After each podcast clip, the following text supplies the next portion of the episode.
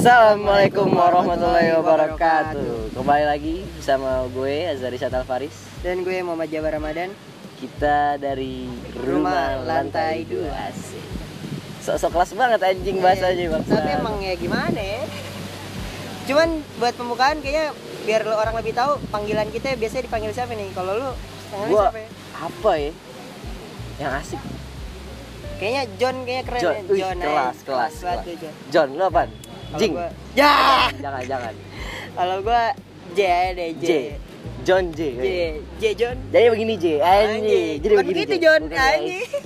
Oke, podcast podcast Oke banget. Jadi Buat hari ini pembahasannya apa nih kira-kira nih Bang John? ini kan kita lagi di tongkrongan. Ini istilahnya yang belum tahu nih ini kita nge-podcast di tongkrongan nih. Jadi Kita kalau selalu misalnya podcast di tongkrongan. bener. Kalau lu ngedengar suara orang minta tosan apa suara motor ya lu bisa maklumin lah ya Yup, soalnya ini banget. banyak relasi di antara kita dengan teman-teman yang lain Betul kali ini gue masih agak kurang serak nih Kenapa tuh Bang John? dengan anak-anak indie Waduh anak-anak indie yang lagi trending sekarang Indie ini. beginningging? indie beginningging ya Gila. gitu. sebenarnya gue pengen gue kayak di pikiran gue tuh sebenarnya mereka tahu gak sih apa arti indie? Kalau gue pribadi tuh kebanyakan melihat orang-orang yang sekarang ngomong indie tuh cuman tahu, wih dia nih tentang senja, wih tentang Hmm, kopi, wih tentang lagu-lagu jazz, Hmm, dibilang bener, indie. bener. Padahal sebenarnya indie itu adalah artinya independen. independen Indep- Dan lagu-lagu independen itu, ada orang lewat iya betul. kan digebok gue mau bola anjing ayo lanjut Gue tuh nggak kena tuh John. hmm. gimana jadi Jadi maksudnya tuh anjing independen itu produksinya dia nggak berlabel musik Hmm. misalnya satu band mau buat musik Mm-mm. diproduserin dengan sama bandnya sendiri Hmm. nah itu namanya independen istilahnya non label lah ya dia Non-label, bisa bergerak dengan diri dia sendiri Tuh. kalau menurut gue gue paling gue sebenarnya kayak kurang serak kalau orang ngomong saya dia lagi kayak genrenya tuh indie nah, Nah, sebenarnya sebenarnya salah itu salah banget indie itu dia tidak termasuk dalam genre dia Bukan. itu bukanlah suatu genre tapi itu dia adalah gerakan. Iya bisa juga gerakan tapi itu dia lebih ke deskriptif. Betul. deskriptif sebuah genre kayak misalnya ada rock alternatif rock. Dia dia, nggak- punya indie rock. Nah, nah pop dia punya indie pop. Seperti itu kayak dia cuma menjadi tambahan suatu genre yang berdiri tanpa label. Kayak Betul gitu. banget. nah sebenarnya gue juga suka yang lu bilang tadi tuh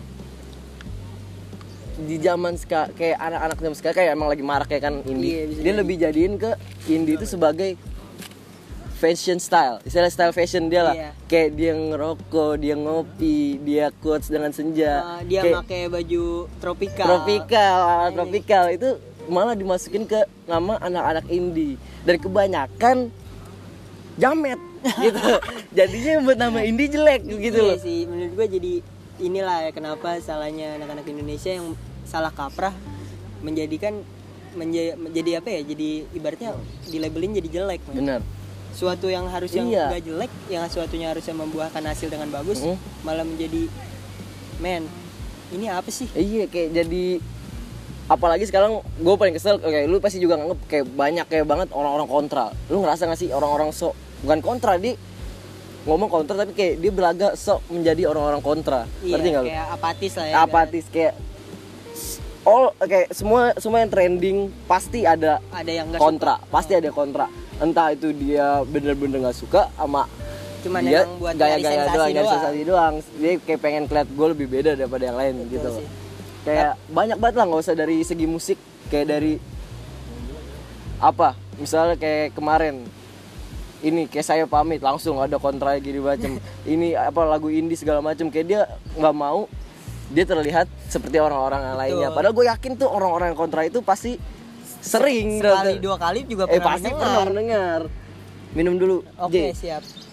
Enggak sih kalau menurut gua bu- eh, adanya kontra di kehidupan itu Mhm. buat menyeimbangkan aja sebenarnya. menyeimbangkan sih ya Coba kalau tapi misalnya- kalau menurut gue kontra bener-bener kontra Iya sih. ada ada orang Sebenarnya itu buat- kontra, ada karena- sok kontra karena lingkungan hidup kita di Indonesia itu terlalu banyak didramatisir. Iya bener banget kembali ke podcast pertama tuh. Be- bener. kayak kebanyakan film-film Iya. azab di Indonesia. Anjing. Itu Nggak fuck banget anjing. Sekarang kalau misalnya kita pikirin secara logika ya, nih, Mm-mm. kalau misalnya dunia dipenuhin sama orang baik, Benar. nggak ada orang jahat benar benar. hidup nggak seru men. Nggak benar banget. Cuman kalau misalnya semua orang di dunia itu jahat Hah? tambah nggak seru tam- lagi. tambah- malah makin malah hancur. brutal kan? Iya, bener banget. Jadi emang mungkin tuh emang itu rencana Tuhan ada kali. rencana mungkin ada sisi baiknya lah ya di balik kejahatan mereka anjing sama harus masuk ke apa lagi ya? City. Kayak kayak info dengar apa lagi nih seru. Bingung juga gue. Enggak sih kalau menurut gua sekarang kita bahas tentang eh, band-band ini band-band indinya boleh. Kalau lebih ke band-band indie. Gimana tuh?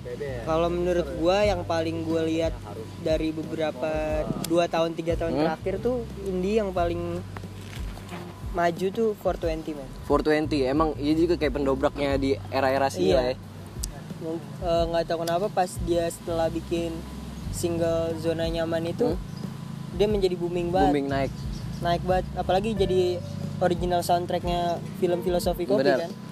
nah ada lagi mau tambahin nggak Ya menurut gua kena, eh, gimana ya? Di situ akhirnya indie bisa menampakkan diri tau gak? Iya gak sih? band-band indie bener Iya. bener bener Dari kayak situ, pendobrak kayak eh, istilahnya langsung lah di situ ada efek rumah kaca, di situ ada float.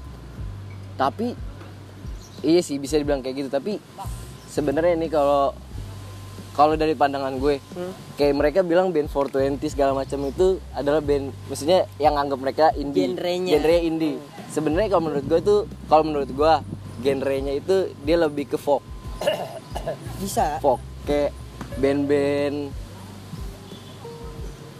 Bandaneira, Oh iya, Bandanera bisa. float kayak segala macam itu tuh lebih ke folk menurut gue Kalau Nah. kalau 420 masuknya apa ya? Jazz ya? bisa, Bisa- kali bisa jazz nggak jazz tahu. ya? jazz nggak tahu folk gue pokoknya semacam-macam itulah. Kalau folk tuh soalnya nih bicara soal folk nih. Oh, ini ada fakta-fakta unik juga nih tentang folk ini apa tuh Bang John? folk ini dia tuh dia dulu dia udah terkenal. Istilahnya dia dulu dinamakan bukan folk. Dia di- lebih dikenal dengan musik underground. Uh, tahun di, di 19 bawah tanah tuh ya. Wih, di- di- pokoknya dia dari tahun 19 19 1970-an lah Iya, pokoknya segituan lah. di Indonesia tuh udah ada kita band-band underground gitu kayak contohnya Cuman di tahun segitu setahu gua nih eh genrenya tuh masih kayak buat band-band indinya nih ya. Hmm? Masih genre-genrenya genre alternatif rock. iya itu itu yang dimasuk Nah, folk folk folk juga ada itu- macam-macamnya juga Oh, gitu. kayak gitu Ini gue nambah wawasan Ah, gua juga nah, nih di bener. sini nih. Di kayak 1970 tuh di Indonesia, nggak usah 1970 di awal-awalnya yang gua tahu nih di tahun 1987 lah Hmm? itu ada Bob Dylan, Bob Dylan namanya Bob Dylan. Dia tuh dapat Sebenarnya lu lahir tahun berapa? Grammy enggak, gue pernah baca doang Oh, artikelnya. Dia pernah dapat Grammy Awards kategori pokoknya recording Fox gitulah number Oh, one. iya, Jadi di situ pendobrak band-band Fox sampai ke sekarang. Oh, yang breakthrough music ya ah, gitu ya. kayak oh, gitu. Iya. Terus setelah itu di Indonesia kan juga banyak kayak band-band folk kayak sebenarnya kayak 1960 udah ada Prambors, udah ada siapa lagi tuh? Gue lupa lah kalau sono 1960. Ah, karena kita belum lahir belum juga lahir tuh. juga gua. 1970 1980 ada yang terkenal Iwan Fals. Wah, itu. Sampai Ebit sekarang- GAD. Sampai sekarang pun masih Sampai ada. sekarang masih ada namanya. 1990 slang. Wah, itu. Sampai sekarang nggak ada itu. matinya. Ah. Ya kan istilah Sampai- walaupun mereka dari background yang bisa dibilang kalau slang ya background mereka dibilang dari pemakai pemakai Mm, mm. tapi itu di situ ada chemistry-nya. ya yang bu- bikin yang mungkin itu kalau nggak mereka nggak menjadi pemakai mungkin mereka nggak bakal bersatu men benar benar benar. cuman mungkin emang caranya salah Hmm, caranya salah. tapi alhamdulillah kan mereka bisa keluar Iya, dari bim bim kakak kakak itu udah pada tobat-tobat juga lah istilahnya oh iya boy hati-hati nah dari situ tuh menurut gua tapi zaman dulu gitu itu istilah folk belum ada lah namanya maksudnya belum dibilang belum bisa dibilang genre Heeh. sampai sekarang baru datang kayak payung teduh. Oh, itu itu masuknya keroncong Iya. keroncong folk ada float ada bandaneira tapi gue sedikit ada sedih tiga sih. pagi. Sedikit sedih sih vokalisnya keluar dari ah iya iya itu parah banget. Siapa? Ya? Isa ya? Is- Islam namanya Islami apa apa sih? Lupa dah gue pokoknya. Kalian panggilannya Bang Is. Iya itu gue pernah cetan juga tuh sama dia tuh. Iya kalau bicara bicara Keren tentang juga itu tuh. Nggak apa-apa sih. Nah baru tuh di zaman zaman kayak sekarang baru naik trending lah Gua jadi lu istilahnya yang pakai rokok gua bang John Nah, ini enak soalnya samtek nih. Lu pakai filter gue aja. Oke deh kita enakin aja. Nah dari situlah baru naik nama folk sebenarnya tuh kalau dibilang tuh folk tuh gimana ya? Udah ada dari lama tapi kagak ada namanya gitu loh. Nggak dia tuh kayak musik-musik. Karena teralih musik Iya enggak dia kayak susah susah dibilang genre. Nah. kayak gitu kayak Iya dia jadi kayak karena dia folk nih karena mirip dengan suatu genre makanya disebutnya jadi iya genre nggak tersebut, iya nggak bisa dibilang genre apa nih Iya. bingung orang. Nah soalnya dia kayak model kayak musik-musik sederhana musik-musik rakyat lah istilahnya Hmm. pakai akustik pakai ukulele. Nah. Liriknya juga lirik yang emang bener-bener bukan tentang cinta-cintaan nah, doang. bukan tentang cinta-cintaan doang dia bisa tentang kehidupan. kehidupan tentang politik. Banyak banget folk itu nah baru tuh istilahnya dia dibilang apa tuh gue pernah pernah dapat istilahnya dia tuh bilang orang tua yang baru diberi nama folk itu tuh anjing. Waduh, keras banget keras banget anjing. asli kali ini lo keren. Ya, tapi itu yang gue suka dari folk sih anjing. Iya. walaupun istilahnya kalau sekarang lu ngedengerin lagu itu kan pasti ya lu indie banget sih ya kan. Tai banget lah istilahnya lu juga pasti demen lagu-lagu ginian. Bener, terus pasti sih. pernah dengerin lagu Bener ginian sih. kata gue kayak banyak banget orang-orang munafik gitu kadang emang nggak bisa dipungkirin. Kalau misalnya orang bilang nggak suka lagu, lagu dangdut kayak gue bilang gue sebenarnya kalau dangdut tuh masih gue dengerin. Cuman kalau misalnya udah kayak genrenya udah dangdut koplo tuh baru tuh Aduh. gue tuh. Itu nggak enak didengerin sih kata gue tapi enak dilihat. Ya. Itu enak banget dilihat. kalau menurut gue kenapa dangdut Oh, iya. dangdut lama lebih enak didengerin daripada dangdut koplo sekarang tuh? Karena kenapa dangdut lama kayak siapa tuh Roma Irama Roma Irama Oh, iya. karena liriknya ada sama cara dia bernyanyinya pun masih dibilang tekniknya itu emang benar-benar teknik sama liriknya pun juga benar-benar didalemin sama penyanyinya atau tapi kalau dangdut lebih ke asmara dia ya, kayaknya ya. Iya mungkin kalau asmara, asmara karena gitu. emang dia kan eh, kiblatnya kan Melayu awal. Nah, iya Melayu Iya sih? benar-benar Makanya banyak tentang asmara. Tapi kalau Roma Irama nggak cuma asmara sih. apa tuh Banyak kan lu, lu pernah pasti judi anjing Iya judi. Judi kan tentang kehidupan bener benar-benar Merasuki keimanan Eh, anjing. sedap.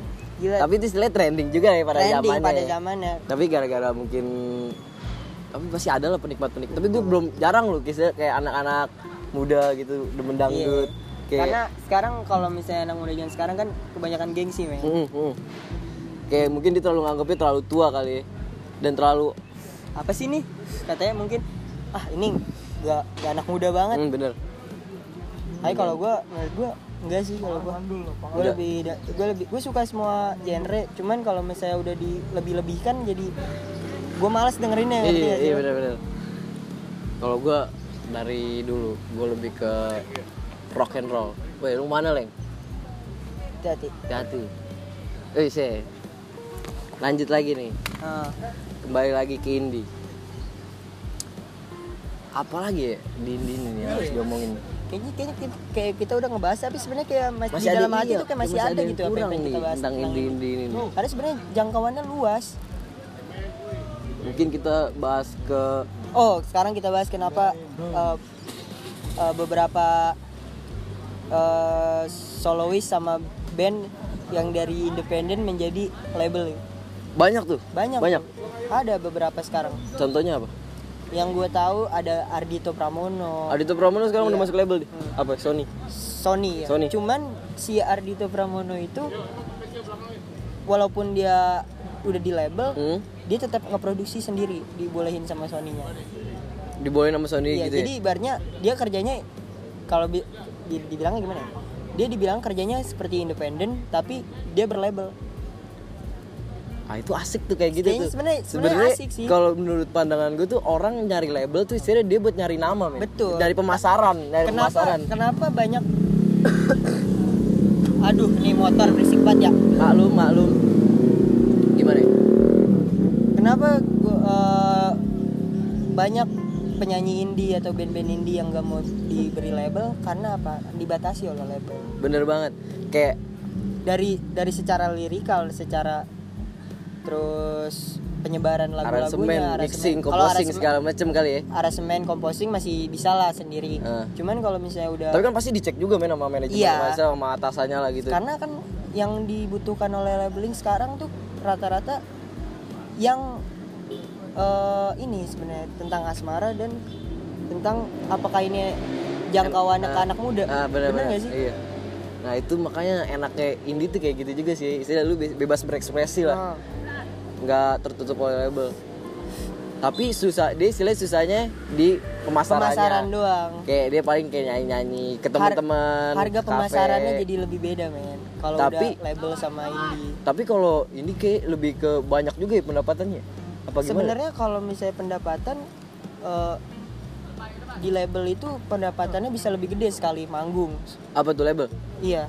Dia dibayar juga di label itu? Jadi itu enggak misalnya lu mau nyewa satu soloist atau satu band nih Hah? yang berlabel. Itu harganya beda jauh sama yang indie. Oh.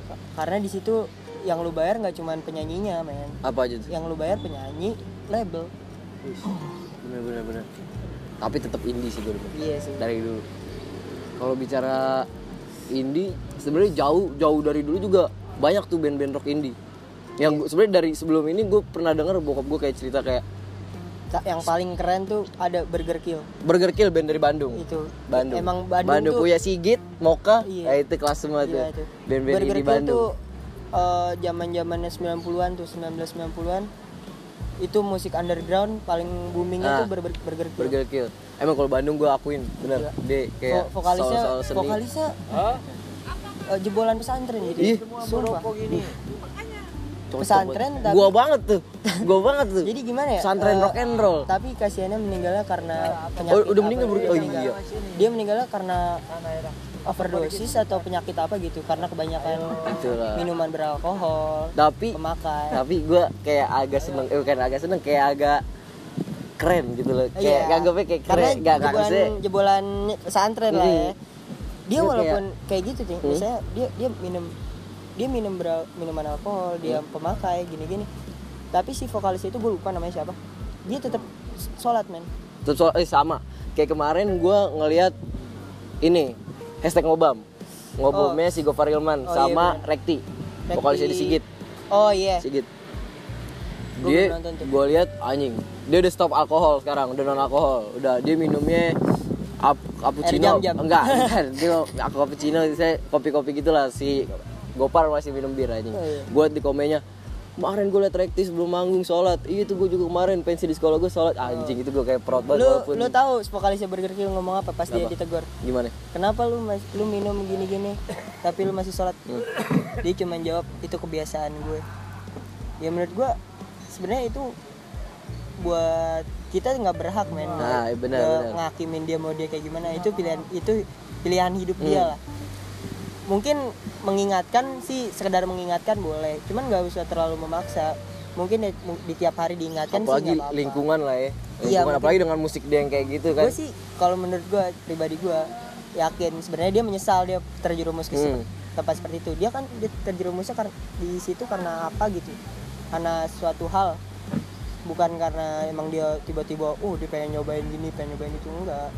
Tapi lu ngerasa gak sih kayak misalnya band-band terkenal gitu yang misalnya dulunya dia pemakai apa dia dulu suka minum lah segala macam kayak masih semakin lama semakin lama kayak dia pasti kayak berubah iya. masih kayak gitu. Terus da- itu dari sisi lingkungan dia dari sisi musiknya juga kayak gitu. Kayak contohnya One Falls dulu kayak dia fuck ini fuck itulah dia kontra ya kan orangnya. Iya kan, musiknya istilahnya pemerintah banget deh masyarakat banget istilah kayak sekarang musiknya kayak lebih asmara. Nggak bukan asmara juga kayak nggak terlalu mungkin masih Nggak terlalu menyindir. mendobrak lah, Iya, istilah masih menyindir, tapi dengan sekarang difilter lagi Iya, mungkin ya kayak lebih lama. lebih dewasa sih Mm, menurut bener-bener kayak pasti kayak gitulah gue kalau gue liat kayak semakin lama semakin terbungkus lah. M- mungkin kita juga nggak tahu nih yang kita bahas ini benar atau enggak tapi kan itu secara Pandangan, pandangan pandangan kita. dari situ tuh makanya nggak di Indonesia juga sih kenapa kayak band-band kenapa penggemar gitu. penggemarnya mereka yang band-band yang mungkin punya masa lalu kelam gini menjadi banyak yang respect sama dia ya mungkin karena dia bisa berhasil survive man dari keterpurukan. Bener, bener sih? bener. Pasti kayak ada lah cerita-cerita Iya, tentang mereka gitu. Bukan berarti kita juga harus nyobain seperti Enggak, dia enggak. tapi kalau misalnya kita ambil yang bagus-bagusnya itu udah tapi itu keren men. Tapi Iya. itu keren. Coba gua ya kalau misalnya kadang buat anak tongkrongan iya emang itu keren. gue gue saya kayak anjing keren banget nih orang-orang ini nih. Cuman kalau misalnya kitanya terlalu terjerumus juga kan nggak bagus. Benar-benar. Semuanya yang terlalu berlebihan kan nggak bagus. Ada waktunya lah ya Nah. kayak lu nakal juga ada Ada batasannya. masanya. iya. Nikmatin aja. Sama aja kayak lu berpikir aduh gua nggak keterima di PTN ini nih. Hmm. apa berarti gua bak- bakal jadi eh, nganggur, jadi nganggur, orang gak jadi sukses. orang nggak sukses. Ah, nah itu salah banget kan salah banget. Sebenarnya Tuhan punya banyak kejutan itu buat banget sama kayak bokap gue nyokap bokap gue selalu ngomong gitu lu mau kuliah gimana lu mau jadi gembel lu kayak semua itu kayak kayak harus dari kuliah gue nganggap kayak gitu kayak Eh, apa kesuksesan tuh dari kuliah. tapi bukan berarti kuliah itu nggak penting ya. Iya, Maksud maksudnya- gua di sini lu mau kuliah mau mau kuliah di mana kayak mau lu ngambil studi di mana asal lu eh, nikmat ngerjainnya Hmm. asal lu ngerjainnya dengan ikhlas pasti semuanya bakal berbuah hasil bener. Tapi sabar. Semuanya terjadi mungkin pada pandangan masanya. dia lu orang nggak istilahnya dia mungkin sering lihat kali teman-teman dia orang kuliah tapi jadi pengangguran. Istilahnya lu nih temen gue kuliah aja jadi pengangguran apalagi lu nggak kuliah. Bener. mungkin gue nganggapnya dari situ juga sih. Sama aja kayak kita memandang eh, band-band indie sekarang.